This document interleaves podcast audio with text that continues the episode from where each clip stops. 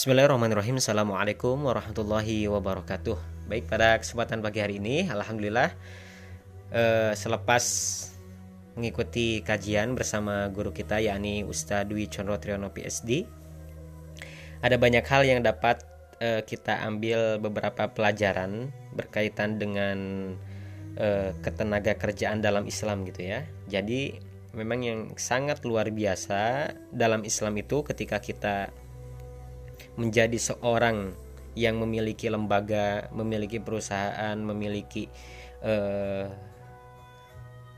salah satu usaha yang di situ ada karyawan gitu ya. Bahkan kalau misalnya rumah ya sebagai kepala rumah tangga kemudian memiliki pembantu, tentu hal yang paling utama harus kita jaga gitu ya.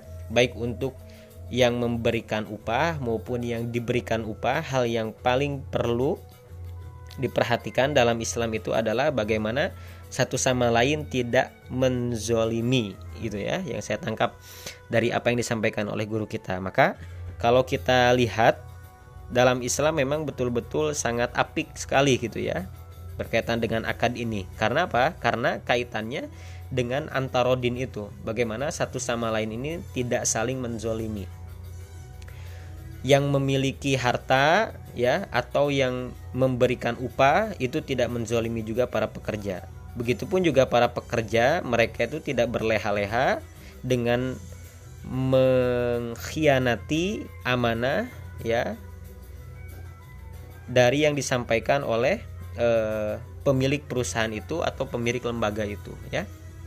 Maka satu sama lain ini harus saling eh, memiliki kesadaran idroksilah bila kesadaran hubungan dengan Allah Subhanahu wa taala karena setiap aktivitas seorang muslim itu kan terikat dengan hukum syara ya.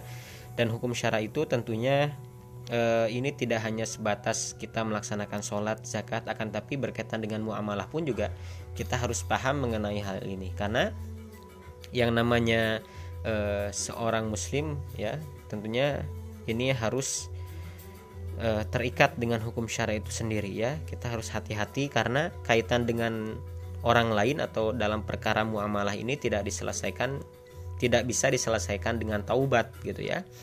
Salah satu bentuk taubat yang benar ketika kita kaitannya dengan orang lain adalah dengan cara kita meminta maaf ya kepada orang tersebut gitu ya. Atau misalnya ketika berkaitan dengan perkara utang ya atau perkara berkaitan dengan masalah keuangan gitu ya tidak mungkin bisa selesai dengan minta maaf saja tapi perlu dibayar utang tersebut perlu dikembalikan harta tersebut gitu ya.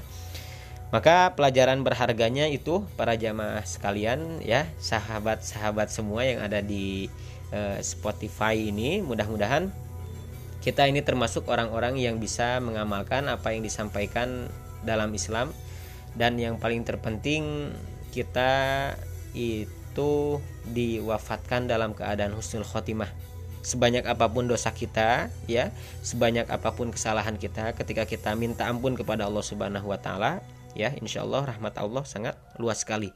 Namun ketika kesalahan itu kaitannya dengan orang lain maka mau tidak mau kita harus selesaikan antara kita dengan orang yang kita memiliki salah pada orang tersebut. Mungkin itu saja ya jamaah sekalian karena ini baru selesai uh, jadi host di ngaji subuh mudah-mudahan bermanfaat apa yang kita sampaikan. Assalamualaikum warahmatullahi wabarakatuh.